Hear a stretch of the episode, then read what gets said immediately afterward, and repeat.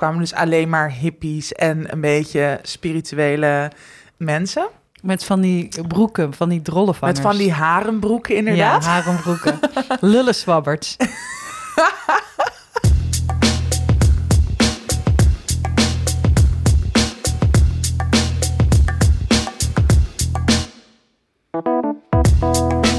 Mensen, welkom bij de podcast Tussen 30 en Doodgaan. Mijn naam is Malou Holshuizen en samen met Tatjana Amouli is dit aflevering 7.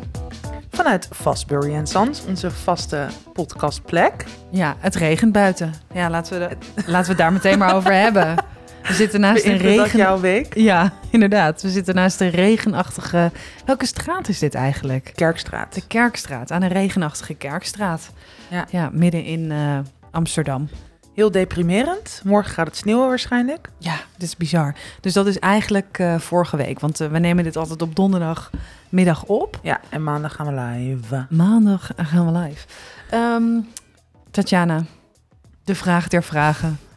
Eh, op wat voor moment treffen wij elkaar? Ehm, nou, dus op donderdag. De week is bijna voorbij. oh nee, wordt het zo'n aflevering? Nee, ehm, mijn week eh, is best wel goed. Het was natuurlijk tot gisteren ongeveer echt heel lekker weer. Mhm. Eigenlijk lente. En ik heb daar optimaal gebruik van gemaakt. Dus ik heb heel veel in de zon gezeten.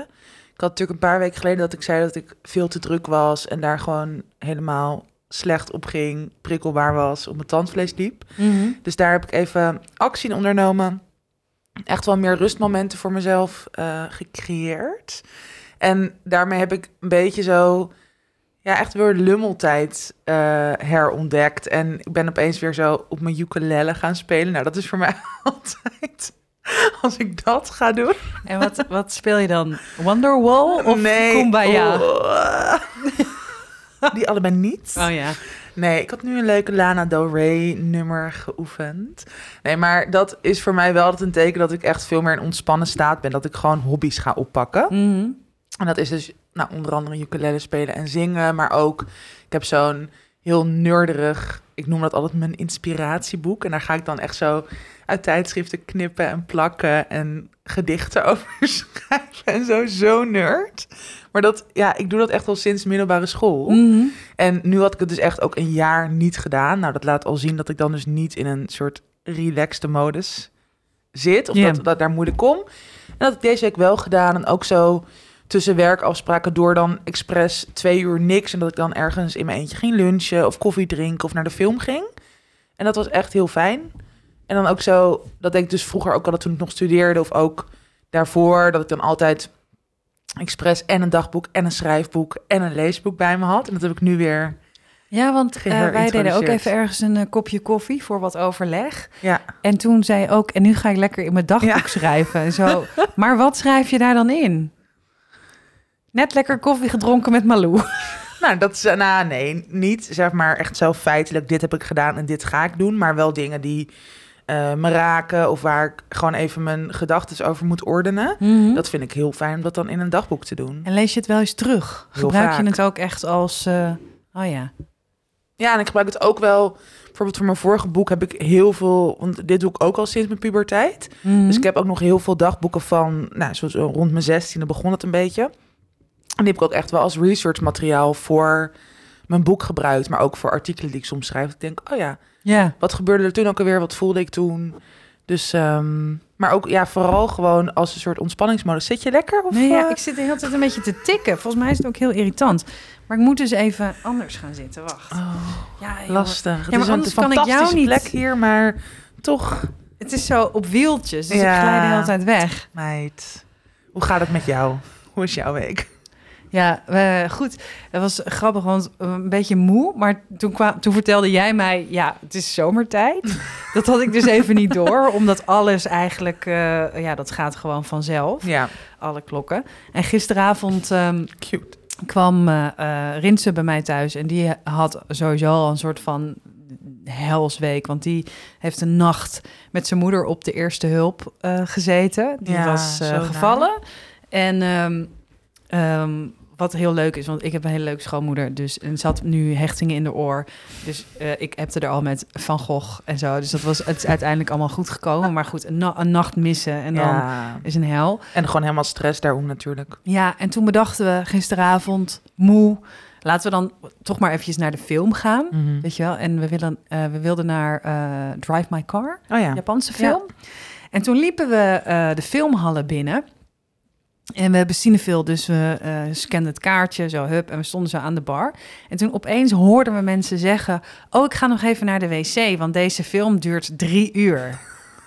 en wij stonden zo aan de bar en die vrouw zo... kan ik jullie helpen? En wij zo... eh, eh, wacht even. en Rinse zei, dat is onze film. Onze film duurt drie uur. En toen zijn we hem geboekt. toen zijn we weggegaan. Of we gaan een cocktailtje drinken. Ah. En toen gingen we dus een cocktail drinken bij ehm Pernache. Eh, dat, dat zit vlak bij de Halle in Amsterdam-West. En ehm, dat is zo'n tent. eh, ja, beetje zo... Het lijkt een beetje als je vroeger de Hills keek. Zo, zeg maar, alsof je Adrina en eh, Lauren daar eh, zou kunnen tegenkomen. Een beetje dat.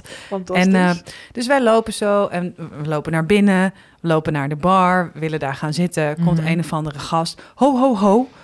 je moet eventjes daarachter wachten en dan worden we, eh, word je naar je plek. kom een collega even naar je toe. Zo echt, gast, ik zit al echt met één bil op deze bar. Ja. Maar goed. Oh, dus nou, wij terug. Ondertussen lopen er allemaal mensen langs ons naar binnen. Weet je, Jullie waren gewoon niet te cool genoeg. Ja, inderdaad. En toen kwam er zo'n gast van... hé, hey, ja, ja, we komen eventjes een cocktail drinken. Oh, loop maar door. Loop maar mee. Dus wij lopen mee. Komen we weer aan bij precies diezelfde stoelen. Nee. Wij daar zitten. Komt zo iemand anders van de bediening. Zegt tegen de barman... Zo, zeg kankerdruk daar binnen. Wij zijn zo, wat? Huh? Dus het was, ja, het was eerst een beetje zo teruggefloten. Daarna krijg je een kleine sfeerimpressie van hoe het daar achter de schermen... dit zou nooit bij Audrina en eh, Elsie gebeuren. Nee, precies. Nee, dus ehm, ja, goed. Eh, eh, zo gaat het een beetje met mij. Nou, uiteindelijk hebben we een, een cocktail gedronken. Rinse dronken met dat zout. Margarita. Wow. Je hebt het ook in pizza. Oh, dat is heel lekker. en ik zo eh dronken eh pornstar martini. Oh, Wat ja. ik echt... Ik vind het een hele lekkere cocktail, maar ik vind dat zo, zo... Klinkt zo ordinair Ja. om dan... Oh, doe mij maar een pornstar martini. Beter dan En, een Sex Beach. Ja, ja, ja, dat. En aangezien ik geen espresso martinis meer kan drinken na mijn verjaardag, moest ik daar wel voor kiezen. ja, Wat zielig voor je. Echt een zwaar leven. I know. Dus ehm, ja, weet je, dat, dit, dit is hoe het gaat. dit is gewoon Dit is het leven. Dit is het leven op dit moment. Oké.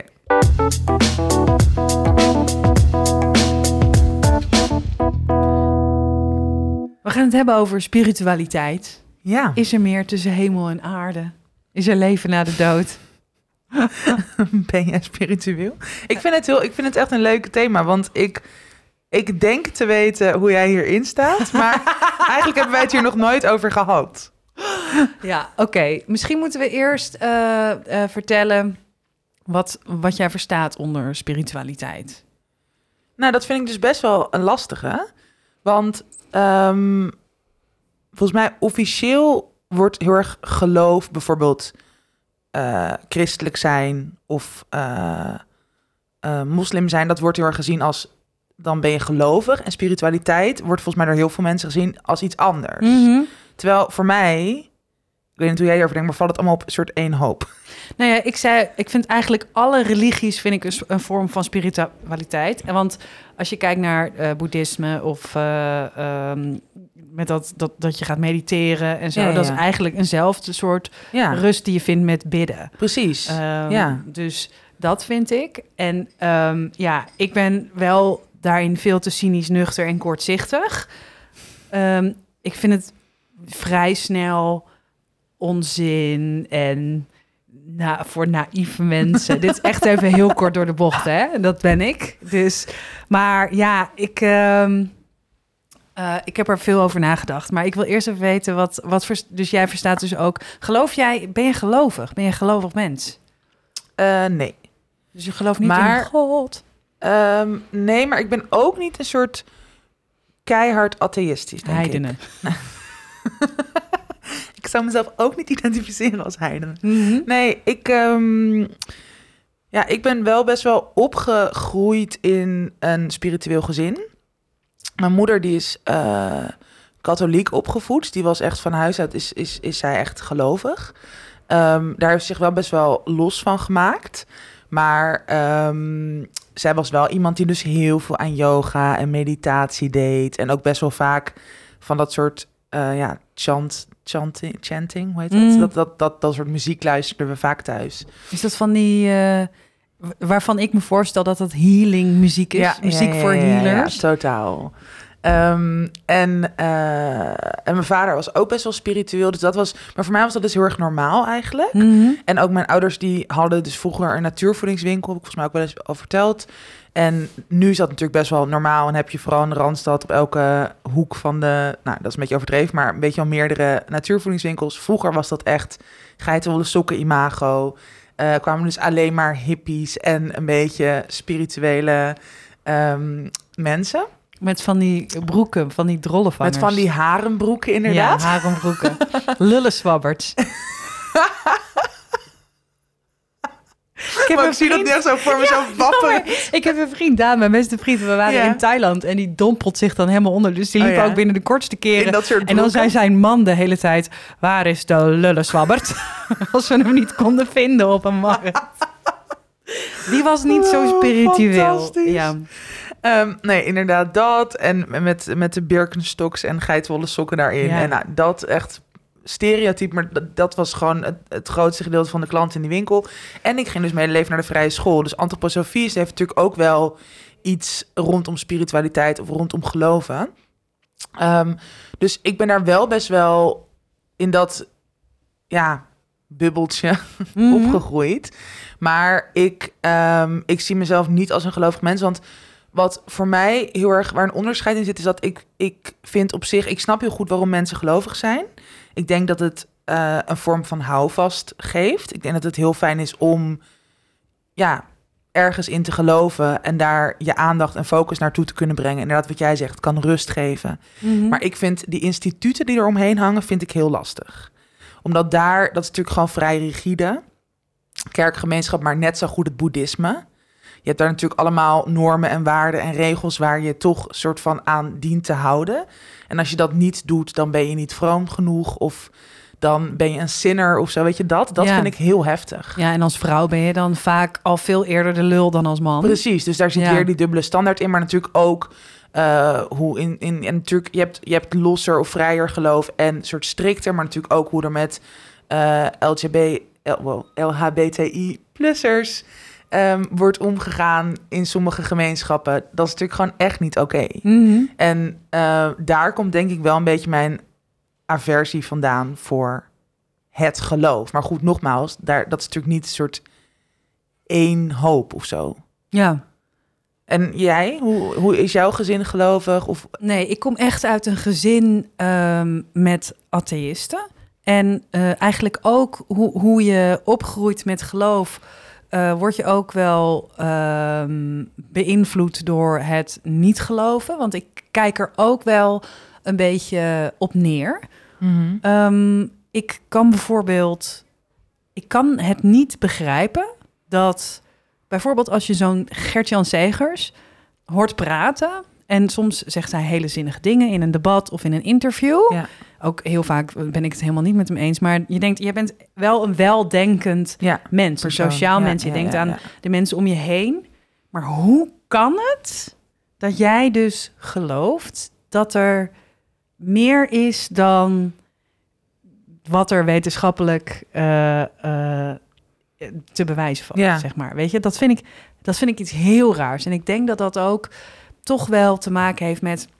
Wij hadden eh, een gezin naast ons en tegenover ons. En die gingen altijd met al hun broertjes en zusjes, waren er natuurlijk heel veel.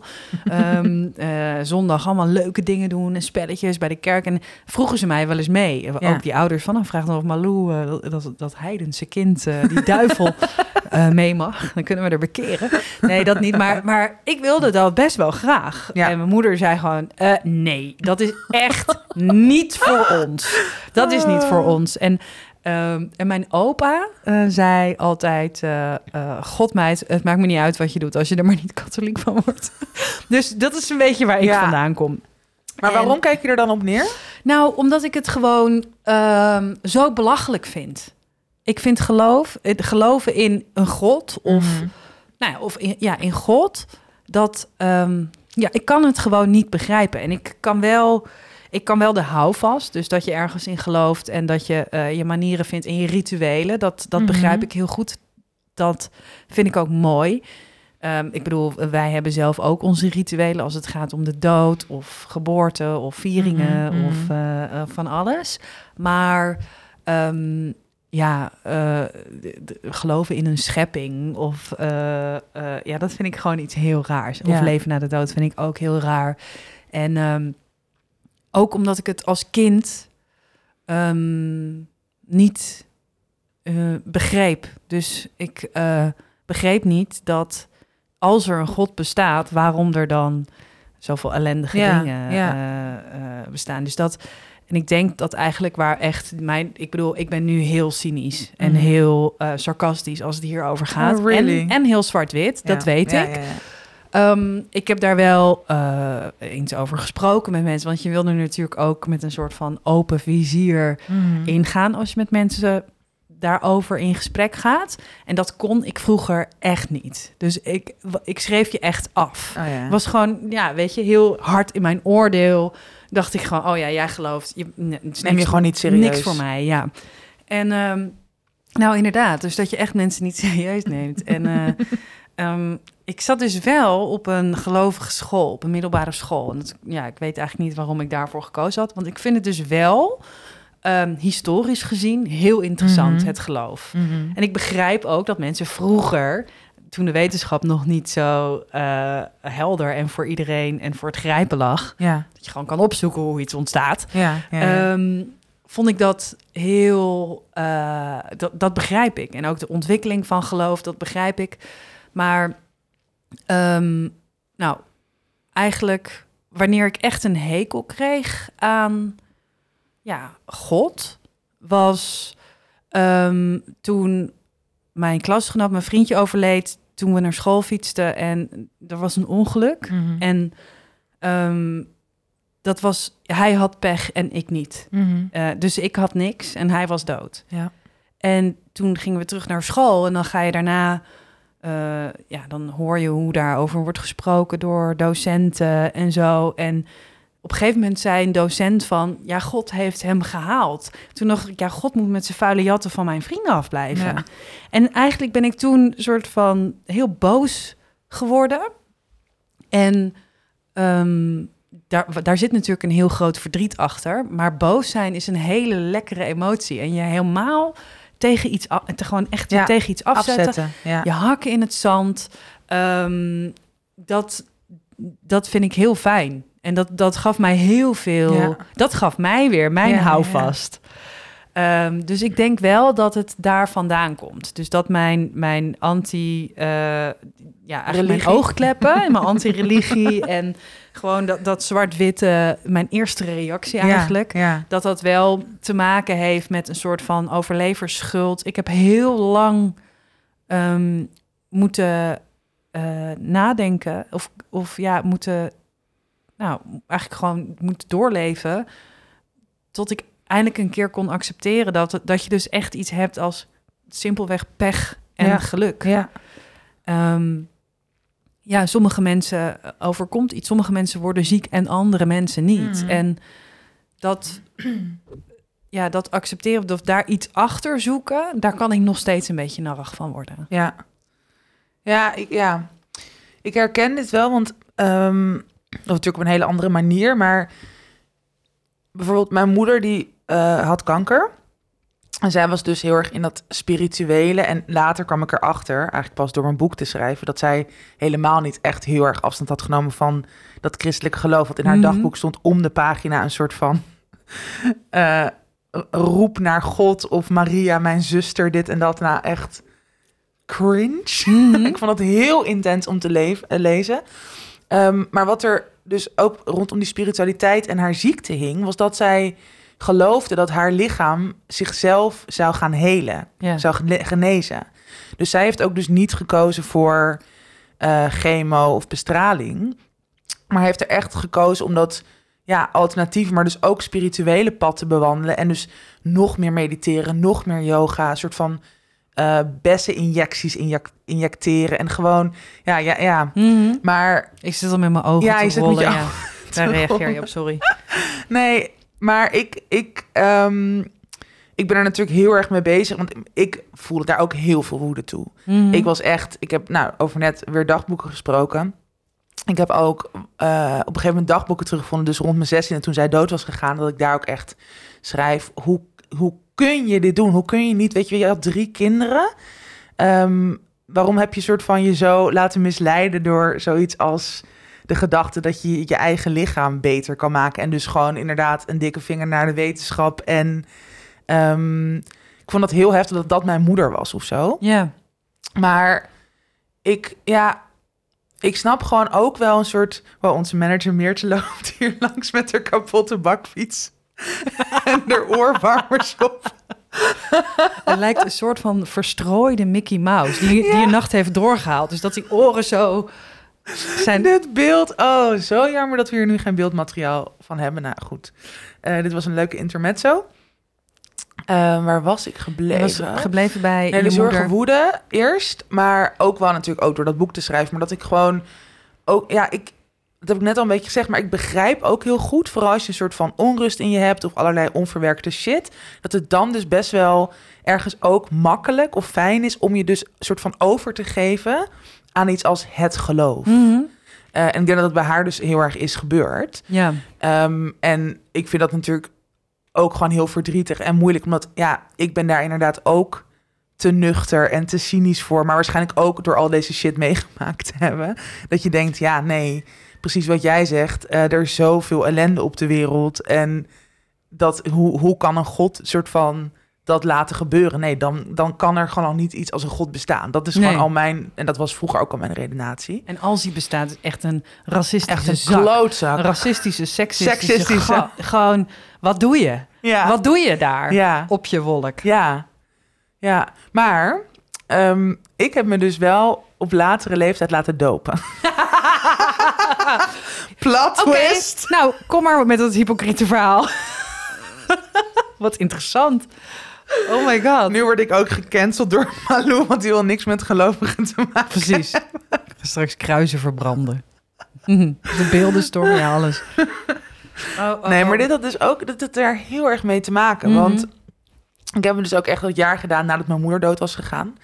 En zij heeft ook eh, een soort ja, ster, stervingsbegeleiding gehad. En dat, dat stond dus ook heel erg in het teken van christelijke geloof.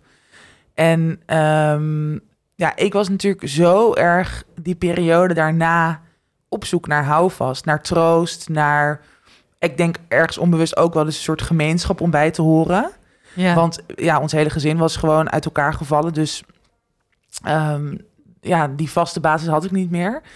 En toen ehm, ja, waren er dus mensen ook die die stervingsbegeleiding eigenlijk hadden geregeld. En die, ehm, nou, daar raakte hij toen mee aan het praten over geloof. En dat was dus ook in het verlengde van de vrije school van die antroposofie. Daar had je dan ook een kerk van. En toen, ehm, ja, randomly dacht ik, oh ja, misschien wil ik wel gedoopt worden. Oh ja.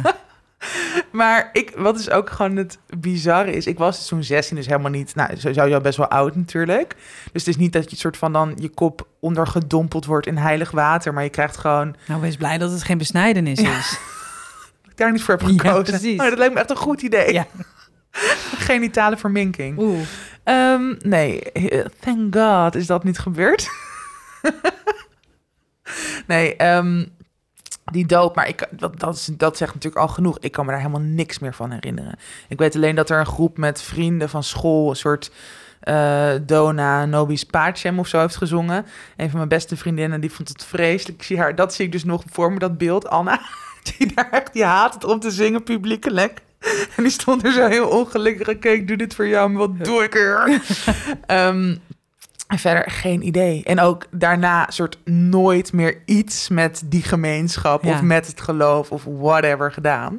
Dus dat is maar, het is, het is wel gewoon geinig dat ik daar toch wel zelf op mijn zestiende voor gekozen heb. Ja, maar ik vraag me ook af, eventjes ook eh, ehm, mijn eigen advocaat van mijn eigen duivel op allebei mijn schouders.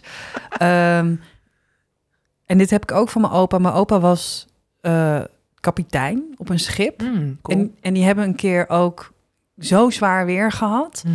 dat eigenlijk hij dacht: wij komen hier niet uit. Dit schip gaat het niet redden in deze storm. Oh. En toen stond hij aan het roer en, dat- en toen dacht hij: ja, ik heb dus allemaal bemanning. Ga ik nu bidden, ja of nee? Mm. De, de, de ongelovige eh, Jacob Zeilemaker dacht: ja. En, en ik weet eigenlijk niet meer of hij het heeft gedaan, ja of nee. Maar eh, ik weet dus niet of als je echt niks meer kan doen, Mhm. Ehm, ja, dan zou ik toch wel, denk ik, het zekere voor het onzekere nemen. Het zal wel lekker worden. Dat Ja. ik dan niet, terwijl ik nergens in geloof, maar ik, ik weet niet of als dat moment er is, dat ik dan niet denk, ja, maar straks loop ik het mis. Ja, ja. nee, maar dit, dit is natuurlijk wel... Je kan niet honderdduizend miljoen procent zeker weten dat er niks anders is. Tenminste, ja, dat denk ik. Oké, oké. Ehm, Oké, ik heb hier een glas en we gaan geesten oproepen. Nee, grapje. Heb je dat wel eens gedaan? Ja, dat heb ik vet vaak gedaan. Echt? Oh, Ja. Ik durf dat niet. Ja, maar geloof jij in... nou, eh, ik, ik ben dus I toch... see dead people? In, I don't know. ik vind het Kijk gewoon toch een beetje... Nee. weer arme rins wordt weer gebruikt voor... Hij is oud, maar hij is geen, eh, geen dode geest, hè? Een soort van running gag, die arme man. Eén been in het graf, niet twee.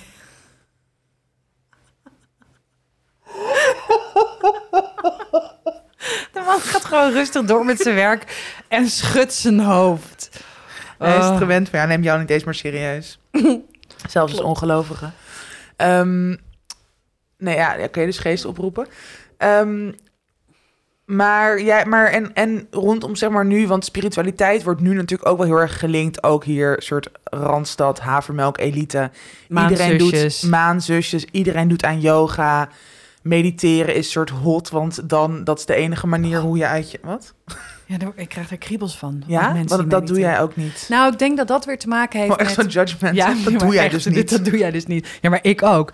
Nee, ik denk dat dat weer te maken heeft met eh, je volledig overgeven aan iets. Mm. Het is een beetje hetzelfde als met je ogen dicht de dansvloer opgaan en lekker losgaan op de muziek. Nou Zo ja. zie ik yoga en eh, daar moet je, je moet ergens overheen. Mhm. En je moet even wat controle loslaten. En dat vind ik gewoon heel moeilijk. Dus er zit ook nog een grote dosis jaloezie dat ik dat niet, niet Ja. zo in me heb. Nee. Kan jij dat? Kan jij goed mediteren?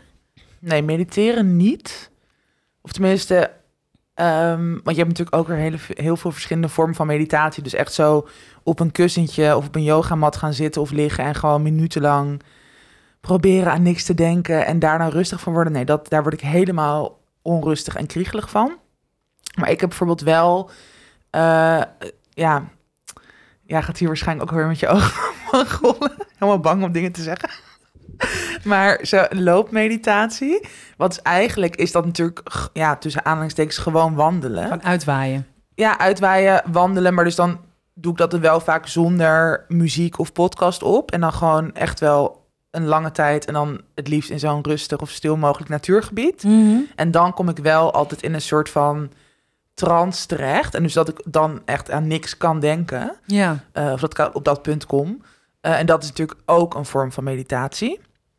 En ik hou wel heel erg veel van yoga. Dus dat doe ik wel Ja. regelmatig. Ehm,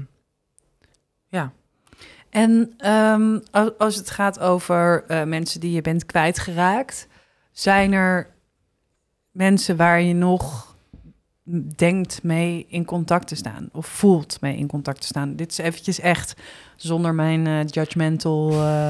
fijn. ja, Nee, ik bedoel dit niet sarcastisch. Nee. Soms moet ik het er gewoon eventjes bij zeggen. Ja, En helemaal Voor de mensen ook. Ja, ja, precies. Ehm, nou, ik weet wel, dat was toen ook echt zo'n paar, paar jaar nadat mijn moeder dood was gegaan. Toen werkte ik, dit was trouwens ook helemaal vergeten in onze aflevering over werken. Oh. Ik heb ze ook nog even bij de thuiszorg gewerkt. Gewoon allemaal baantjes verdrongen. Ja. Maar toen werkte ik even bij de thuiszorg, echt een blauwe maandag, een paar maanden. En toen eh, werkte ik bij een medium. En het was echt zo'n hele kleine, soort van bijna doorzichtige vrouw. Zo soort van, ja, klein, dun. Sliep ook echt een beetje soort van voorover gebogen. En haar ogen zo half dicht, weet je wel. Echt, Mhm. echt alsof ze dus soort van in een andere wereld zich ook begaf. Nou ja, dat, dat zei ze ook, dat ze dat deed. En ehm, ik was daar de, twee, de tweede keer dat ik daar kwam werken. En toen vroeg ze, toen kwam ik binnen. En zei ze, is jouw moeder pas geleden overleden? En dat was dus, nou, dat was het, jaar daarvoor gebeurd.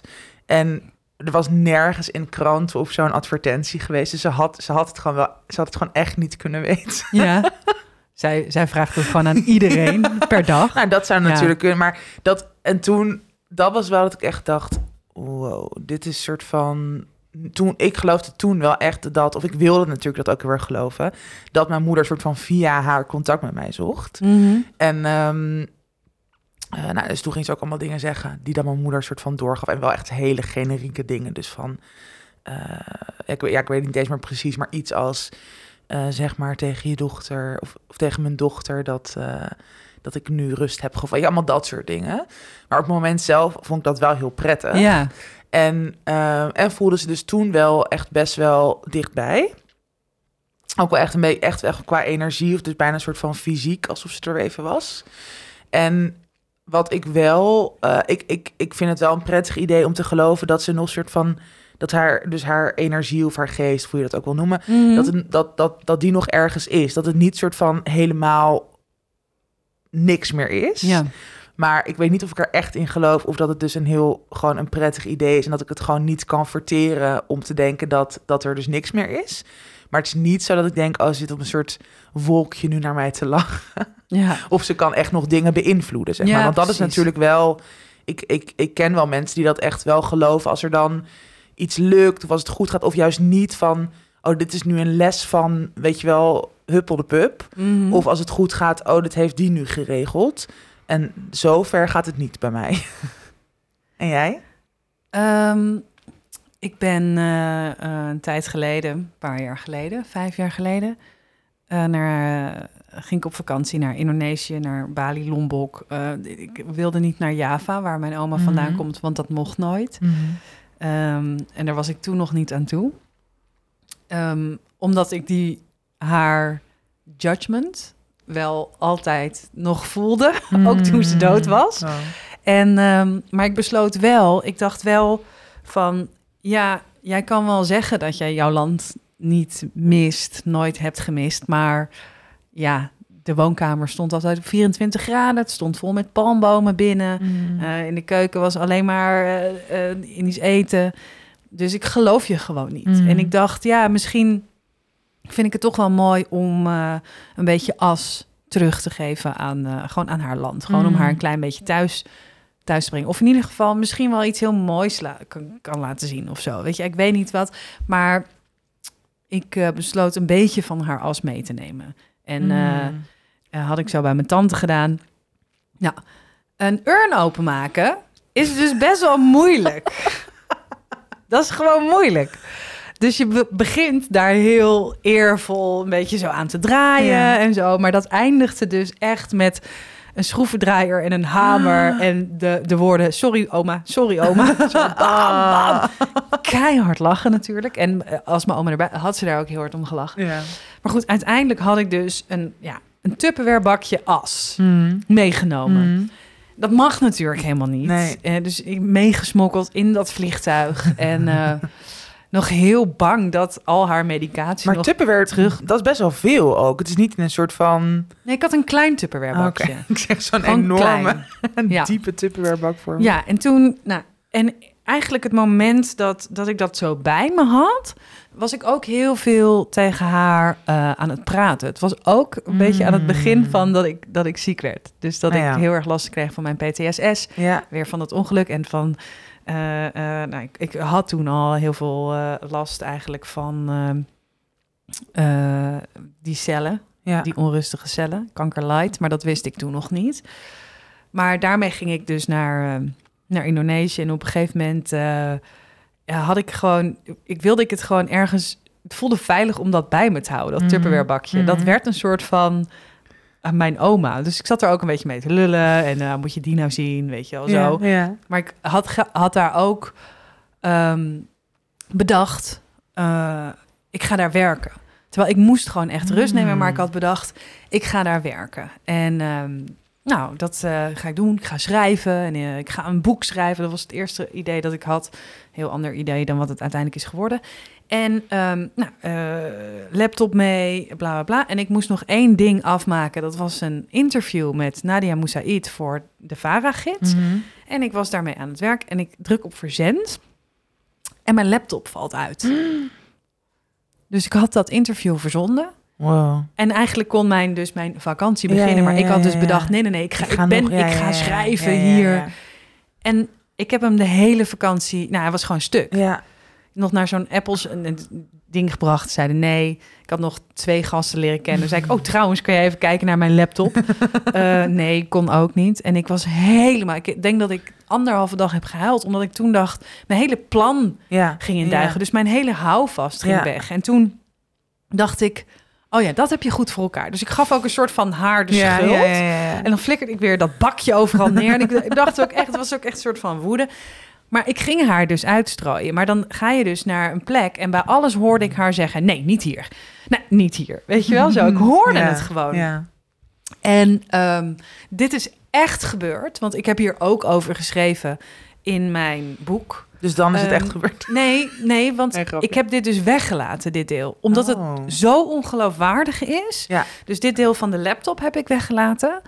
Ehm, en wat ik je nu ga vertellen, heb ik weggelaten. Op een gegeven moment ehm, nou, had ik een plek gevonden om haar uit te strooien. Mm. Nou, ik doe dat bakje open en dan valt er gewoon zand op de grond. Dat is eigenlijk wat het is. Het heeft helemaal niks magisch. Het waait niet weg. Het valt gewoon op de grond. Nou, dus ik was zelf ook wel een beetje teleurgesteld van Ja, dat effect. ja, ik dacht, nou, en er kwam ook helemaal geen Niet gevoel soort van op. wolk van as. Nee. Nee. Er was geen, geen verlichting of eh, in mij. Er was gewoon, oh, er, het, viel, oh nou, het ligt nu op de grond. Nou, oké. En Dat dacht ik ook, nou, oké. En ik wil me omdraaien. En ik glij weg. En ik glij zo die Sawa in. En ik glij zo met mijn witte jurkje helemaal door die as.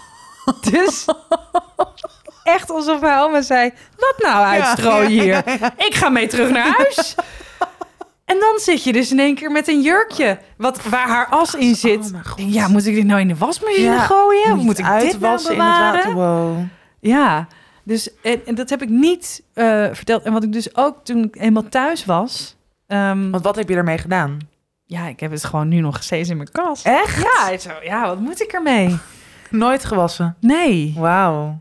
nee. En toen kwam ik thuis en ik eh, flikker mijn laptop in de hoek en ik doe hem aan de lader en hij start op. en toen dacht ik wel, ja, maar dit is heel raar. Ja. Ook omdat ik gewoon hardop tegen haar... Ik dacht echt, ja, jij bent mij nu aan het fucken. Ja. Nou, Malou. Ja. Dus Hanny Rijbroek de keizer. Als je dit hoort, Laat even het licht knipperen, alsjeblieft. even lekker normaal doe jij. Laat nu nog een keer de laptop uitvallen. Geef ons een teken. Oh, maar goed. ehm, heb jij last van bijgeloof? Ehm, We gooien alles op en we krijgen waarschijnlijk allemaal boze DM's. Ja, het is allemaal niks, heeft allemaal niks met elkaar te Ja. maken. alles en? op één hoop. Nou, en het is onze podcast. Wij zijn de baas. Bijgeloof. Ehm, nou, niet zo van, oh, als je een zwarte kat tegenkomt, betekent dat ongeluk. Of je kan niet onder een ladder eh, lopen. Dat is toch bijgeloof, ja. Ja. Ja. Gemeen zo twijfelen. Ehm, nee, en ook niet. Nee, nee, nee. Ik heb hier geen last van. Ja. Ik heb ook bijvoorbeeld, weet je, dat mensen oh ja, maar ik moet dit kettingje dragen. Of, of, of dit, dat brengt dan geluk. Of dan is diegene bij me. Of Nee. Jij wel? Nee, ook niet echt. Nee, ik heb wel... ehm, maar dat is van een, ook een beetje een familieding... dat je je laatste slokje bewaart voor de geesten. Maar een laatste slokje van iets... als het heel lekker is, dan vind ik dat niet zo heel belangrijk. Maar ik ga je er nu echt op letten. met koffie zit vaak nog een beetje prut of Ja? zo. zo Oh, dan ja, dan eh, laat ik dat staan. En dan is, dus ik weet eigenlijk niet of het gewoon het, het zinnetje is, is voor de geesten... of dat het echt ergens vandaan komt dat dat, dat voor de geesten is. Ja. Maar goed, anders heeft mijn oma dorst, want ik heb het al lang niet gedaan. Maar goed. Very sad. Ja. Ehm, moeten we nog Ehm, even een soort van... Want over geloof en ik vind het dus wel altijd heel fijn voor mensen en heel mooi. En ik, heb, ik respecteer deze mensen wel. Dit is wel echt... Oh, nu wel. Nou, ja, ik, zet, ik, ik zeg net van niet, maar dat is wel gewoon mijn eigen... eh, nee, ja, ik weet het niet. Ik wilde gewoon niet... Ik wil niet dat als iemand luistert en wel in God gelooft... eh, Wil je die niet een naar gevoel geven? Nee, dat zou ik weer heel vervelend vinden. Want ja, ik maar vind dat wel, is denk ik... en dat is ook weer iets uit het geloof, dat je moet mensen behandelen zoals je zelf graag behandeld Ja. wil worden. Nou ja, dus ook voor mij gaat het heel erg over individueel. Zou ik, heb, ik, heb ik nooit een, ja, behalve als mensen gewoon vervelend of rot zijn, of anderen dus op een ongelijke manier benaderen, ja, dan, dan vind ik het vervelend als dat vanuit je geloof komt. Maar verder zou ik nooit een oordeel hebben individueel. Maar gaat het voor mij dus veel meer, ja, instituut de kerk vind ik vaak lastig. Ehm, maar bijvoorbeeld ook, eh, nog even terugkerend op nu die soort van spirituele, waar ook al die moederharttypes een beetje onder Ja, vallen ja. voor mijn geloof. En voor mijn, wow, voor mijn gevoel. Ja, daar ga Slip je. of the tongue. Daar ga je. je wordt Na deze aflevering Ja. opeens echt lijp gelovig. nee, maar dat, dat, ik heb toevallig net een artikel geschreven, ook wel een beetje hierover, over die tendens dat dus heel veel spiriwiris van nu, ehm, heel, weet je, alles zo rondom alles onder de mantel van liefde en licht. En daarmee kan je een soort van alles healen of alles oplossen. Ja. En dat vind ik heel moeilijk. Want daar zit heel veel privilege in voor mijn gevoel. Mhm. Ehm, en daar, daar heb ik dus net een artikel over geschreven voor de L. Over, dat gaat eigenlijk over toxische positiviteit. Ja. Maar daar hangt dus ook dat spiritual bypassing aan vast. En dat, weet je, ik, dat weet ik ook wel van yogalessen. Dat gewoon zo vaak docenten... Laat het los en accepteer wat komt. En het is je lot. En, en dus eh, think in light, think in love, think in happiness. En dan denk ik, ja... Ik snap op zich dat dat mooi is als je zo kan denken. Maar er gebeurt gewoon heel veel kut in heel veel mensen hun leven. Mhm. En dat kan je niet allemaal oplossen onder de mantel van liefde en licht. Dat, nee, zo werkt het niet. Ehm, plus, het zijn dus ook natuurlijk vaak hoogopgeleide, rijke. ja, het is een verdienmodel ook het is vaak. ook een verdienmo- Er zit heel veel inderdaad kapitalistisch gewin bij aan vast. En het zijn dus ook vaak mensen die dan, weet je rondom dat manifesteren en ehm, ja, good for you als je daar echt in gelooft en als dat jou iets brengt. Maar doe niet alsof iedereen een soort van alles kan oplossen met manifesteren en met geloven in liefde Mhm. en licht. Ja. ja. Dat, da- daar heb ik eh, moeite mee. Maar nogmaals, Respect voor jou. nou, ik heb zo- ja, ja, ja, ja, altijd zeggen. Altijd een zeggen. lelijk verhaal vertellen over Lieke van Lexman. Altijd. Maar het heeft niks met spiritualiteit te maken. Maar het is gewoon ter afsluiting vertelt Malou een lelijk verhaal over Lieke van Lexmond. Oké, ik was... zij heeft zich dus een keertje... Ja, zij heeft zich dus een keertje... twee keer in een half uur aan mij voorgesteld. Huh? Dat was namelijk zo. Eh, eh, NC, eh, Chantal Jansen, haar blad, dat bestond een jaar. En toen hadden we een lunch. En toen zat ik dus tussen Gabi Blazer en Lieke van Lexmond. Maar dit zou goed fuck, Mary Kill zijn. I know. Ja, Malou. Ja. Ja. En dus ik zat daar en ik had me gewoon voorgesteld. Hoi, ik ben Malou. Oh, wat leuk. En eh, best wel leuk met haar gekletst. Ja. En ik ga even naar de wc. En ik kom terug. En zij kijkt mij opeens aan en ze zegt... Hoi, ik ben Lieke. Oh, nee. Oh my god. Maar wat zei je? Ja, dat weet ik. Eh, eh, ja, ik weet het Oh, niet. Nee. Ja, ik heb me volgens mij een beetje gedraaid en eh, ben ik lekker met Gabi Blazer gaan kletsen. Wat echt een fantastisch grappig en leuke vrouw was. Ja? Want de lunch was in het Rijks. Ja. En zij zat bij alles. Oeh, oh, wat is dit? Oh. Oh nee, ik weet niet of ik niet lust. Nee, maar het was gewoon een wit visje. Wat is dit? Gewoon, Oeh. Denk je dat ze ook patat hebben? Zij, was Oh, echt schat. heel leuk. Heel leuk. Dus ja, misschien dat dat nu mijn lelijke verhaal Lieke van Lex vond. ik ben erg benieuwd wat, eh, wat er nu op je afkomt van eh, boven. Ja. Een maan waarschijnlijk. De maan valt op mijn hoofd vanavond.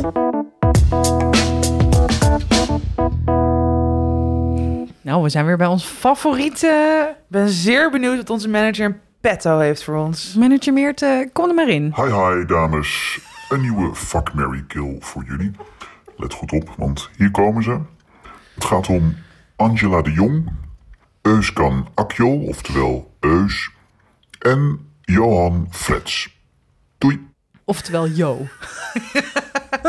Fretzy boy. Pretty boy. Ja, jij mag beginnen, want jij vorige keer heb jij... oh eh, ja, heb ik vorige het, week ehm, verzaakt. Deze. ehm, ben je eruit gesneakt.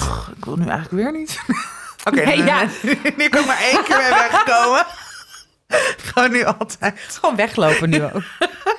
Ik ga pissen. ben ik klaar mee. Ehm, nou, ik zou wel trouwen met Johan Frets. Ik ken de beste man eigenlijk niet. Maar eh, ik vind zijn columns vaak goed. Volgens mij is hij ook wel grappig. En eh, ja, het is gewoon een veilige keuze.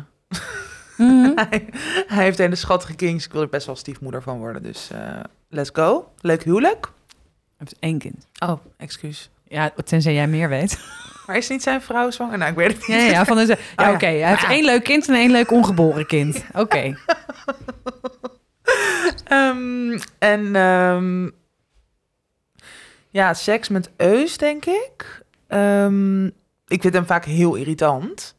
maar, maar dit is dan een beetje in het verlengde van dat je, als je iemand haat, en ik haat hem zeker niet, want ik ken hem niet. maar dat je, als je iemand haat, dat je daar een hele goede seks mee kan hebben. Vanuit een soort woede en, en heel vurig. Mhm. Dus ik kan me voorstellen dat ik dat ook nog wel met hem zou kunnen hebben. En dan vanuit de irritatie.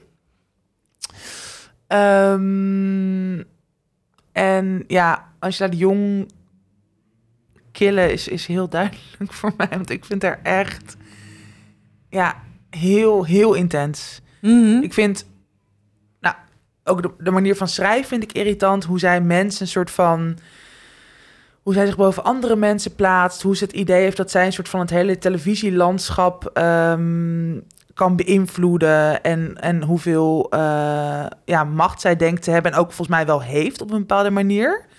Ehm, vind, ik, vind ik heel irritant. Ik denk heel vaak, ja, wie ben jij om dit te zeggen? Ehm, ja, dus zij, eh, zij wordt gekild. Oké. En jij? Nou, ik zou eh, naar bed gaan met Johan Frets, want die vind ik het meest aantrekkelijk. Dus dat is heel makkelijk. Makkelijk. Ja, heel makkelijk. Dan ehm, zou ik... eh, ik zou trouwen met Angela de Jong Wat? en alle afstandsbedieningen verstoppen. De hele dag. Dat zij geen columns meer kan schrijven. Jezus. Dus eigenlijk verlos ik, eigenlijk kill Wow, ik wow. Angela de Jong om dus ehm, uiteindelijk ja, met, eh, eh, om haar column te stoppen. Dus door met haar te trouwen. Ik offer mezelf op Wauw. Voor... Wat ehm, nobel. ja, ja, precies. En ja, Eus, ehm, ja, ja, sorry, boeien. Wel, ja, ik weet het niet. Geen verdere argumentatie? Nou, ja, ik ken hem wel. Dus het is eigenlijk heel lullig, maar ja, hij blijft gewoon over. En eh, ja, het is goed. niet anders. We moeten kiezen. Ja, we moeten kiezen. En ook hij krijgt waarschijnlijk dan een standbeeld in Deventer. Dus dan blijft er uiteindelijk nog iets goeds over. I know. Ja, weet ik veel. Ja, wat moet je zeggen? Weet je wel? Als je iemand gewoon... re- Ja, het is gewoon... Ja. Gekild. Tijd voor tips. Tijd voor tips. Of niet? Oh nee, luisteraarsbericht. Nee, eerst, Eerst de tips, tips? en dan luisteren. Jeetje, Oké, wacht, wacht. Gaat helemaal mis. Tijd voor tips! nou, kom dan. Ik heb weer een boek. Ik ben echt lekker veel aan het lezen. Heerlijk. En ehm, dit is een boek van Iante Mosselman. En zij is heel leuk. Wat er niet per se nodig is, want ook niet leuke schrijvers kunnen een goed boek schrijven. Ze is heel knap. Ja, ze is wel heel knap Ja. en grappig. Nee, ehm Jante Mosselman is onder andere programmeur bij de Bali. Zo ken ik haar ook. Ehm, maakt hele mooie programma's daar, maar ze is ook schrijver. Schrijft goede essays. En nu heeft ze dus haar eerste boek geschreven. En het heet al die liefde en woede. En het gaat eigenlijk over, eh, nou ja, woede die zij ervoer toen ze net moeder was geworden. En ehm, ik vind het, ik heb het nog niet helemaal uit, maar ik vind het een heel interessant boek, omdat ehm, het raakt voor mij iets aan waar ik zelf ook best wel mee bezig ben. Ik eh, nou, twijfel sowieso of ik moeder wil worden ooit. Uh, maar dat heeft er met meerdere dingen te maken, maar het heeft er ook mee te maken dat ik bang ben dat als ik een kind zou krijgen, dat ik dan jarenlang niet meer ehm, kan floreren in mijn werk. Of dat ik niet naar mijn carrière kan bouwen. En ehm, al helemaal als creatieve heb ik het idee dat het heel erg moeilijk is. Dat ik dan niet meer een boek zou kunnen, kunnen schrijven. Dat mijn hersenen en mijn creativiteit niet meer werkt hoe ik het zou willen. En dat is ook heel erg voor mijn idee een beeld dat een soort van heel lang hoog is gehouden. Ehm, en zij bevraagt het eigenlijk in haar boek. Of zij houdt het ook wel onderuit. Ze zegt ook van ja, dat is ook weer zoiets om vrouwen klein te houden. Van je kan het niet allebei doen. Mhm. Terwijl er natuurlijk ook heel veel voorbeelden zijn van mensen die het wel allebei doen. Ja, heel veel. Heel ja. veel. En ehm, ik vind het echt een verademing, want voor mijn gevoel is nu nog steeds, weet je, er hangt gewoon heel erg soort van zweem rondom moederschap, rondom, eh, ja, nee, rondom dit soort thema's heen. En ook dat je als moeder natuurlijk vooral op een roze wolk zit en vooral heel erg die liefde voelt. En bedoel, daar schrijft ze ook over. Ze, ze voelt ook heel veel liefde voor haar kind.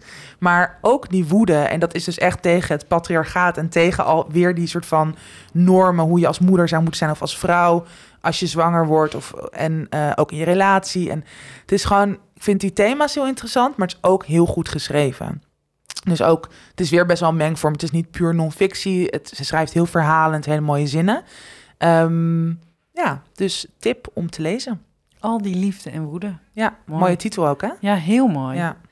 Ehm, ja, ik, eh, ik heb eigenlijk een hele korte tip. Eh, en dat is zo omdat het een cabaretvoorstelling is. Die is te zien door het hele land. Die is van Alex Ploeg en die heet Ego. Mhm. En vertellen waarom iets grappig is, dat werkt nooit doen. echt Nee, heel goed. nee, nee, nee. maar ehm, ja, als je er naartoe gaat, ga je heel hard lachen. Het is heel muzikaal. Hij is heel grappig. Het gaat over het zoeken van liefde. En Mhm. alles wat erbij komt kijken. Eh, het gaat over jonge liefde. Ehm, ja, eh, een, een echte hele leuke avond. En ik denk dat mensen weer meer naar het theater moeten gaan. Omdat nadat het zo lang dicht is geweest, dat het toch nog een soort van grotere stap is Ja. om nieuwe kaartjes te kopen. Ook omdat veel mensen nog moeten inhalen. Dus Ja. je krijgt nog van, hey, je kan nog naar dat concert, naar dat Ja. concert. Ik heb al die kaartjes nog. Dus omdat je al veel op de agenda hebt staan, eh, ben je misschien minder geneigd om eh, een, nog een voorstelling uit te kiezen. Maar als je dan toch iets gaat uitkiezen, dan zou ik kiezen voor Ego van Alex Ploeg. Leuk. Oké, ja, oké.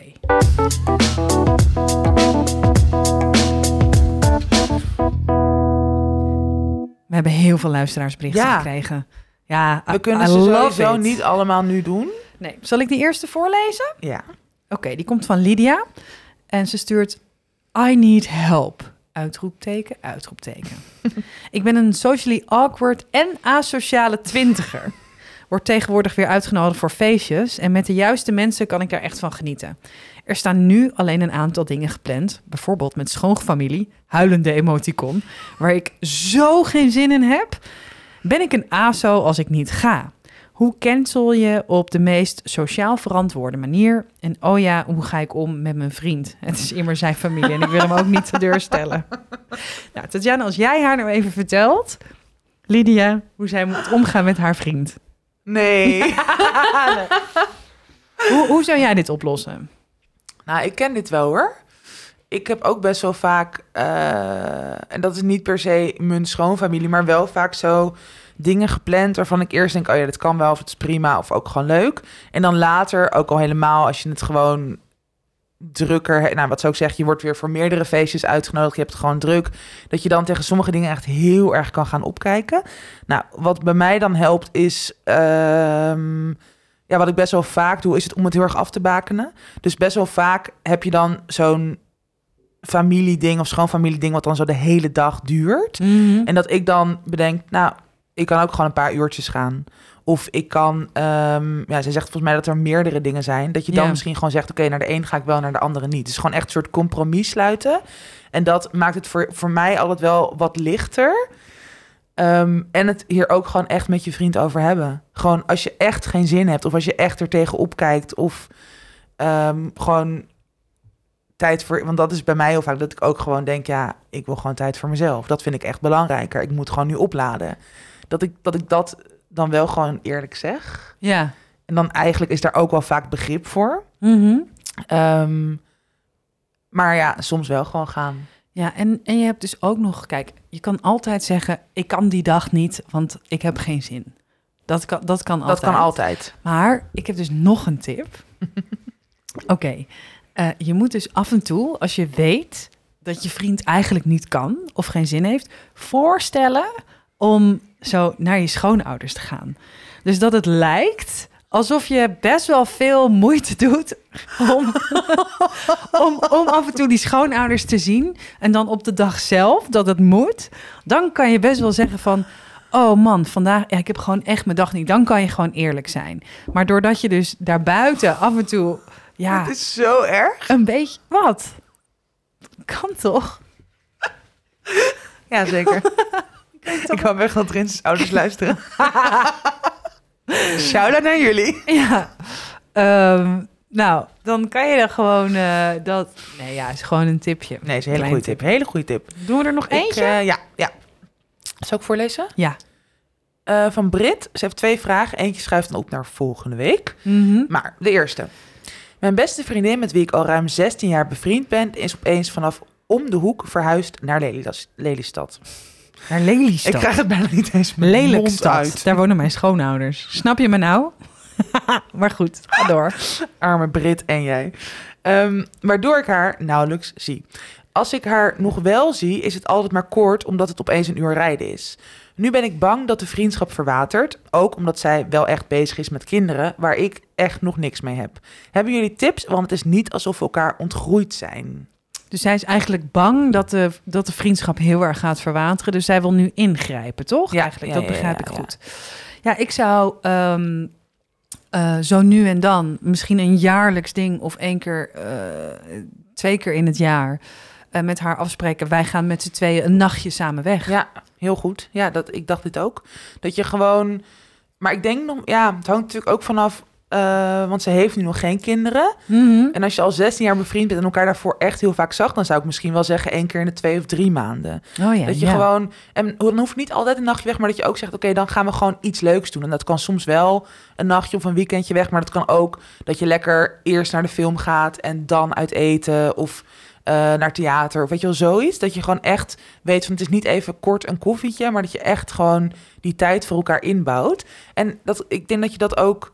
Want het klinkt niet per se alsof zij dat niet wil. Dus ik denk dat je dat ook heel erg goed gewoon kan zeggen van... hey, ik vind het jammer dat we elkaar nu eh, sporadischer en korter zien.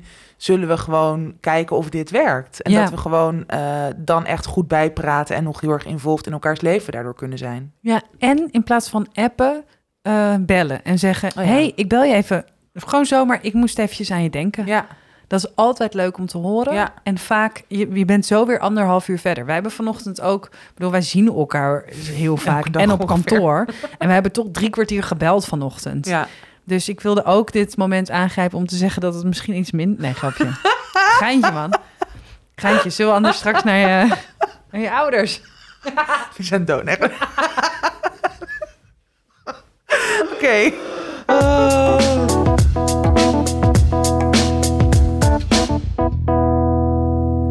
Ja, dit was alweer de zevende aflevering. Tussen 30 en doodgaan.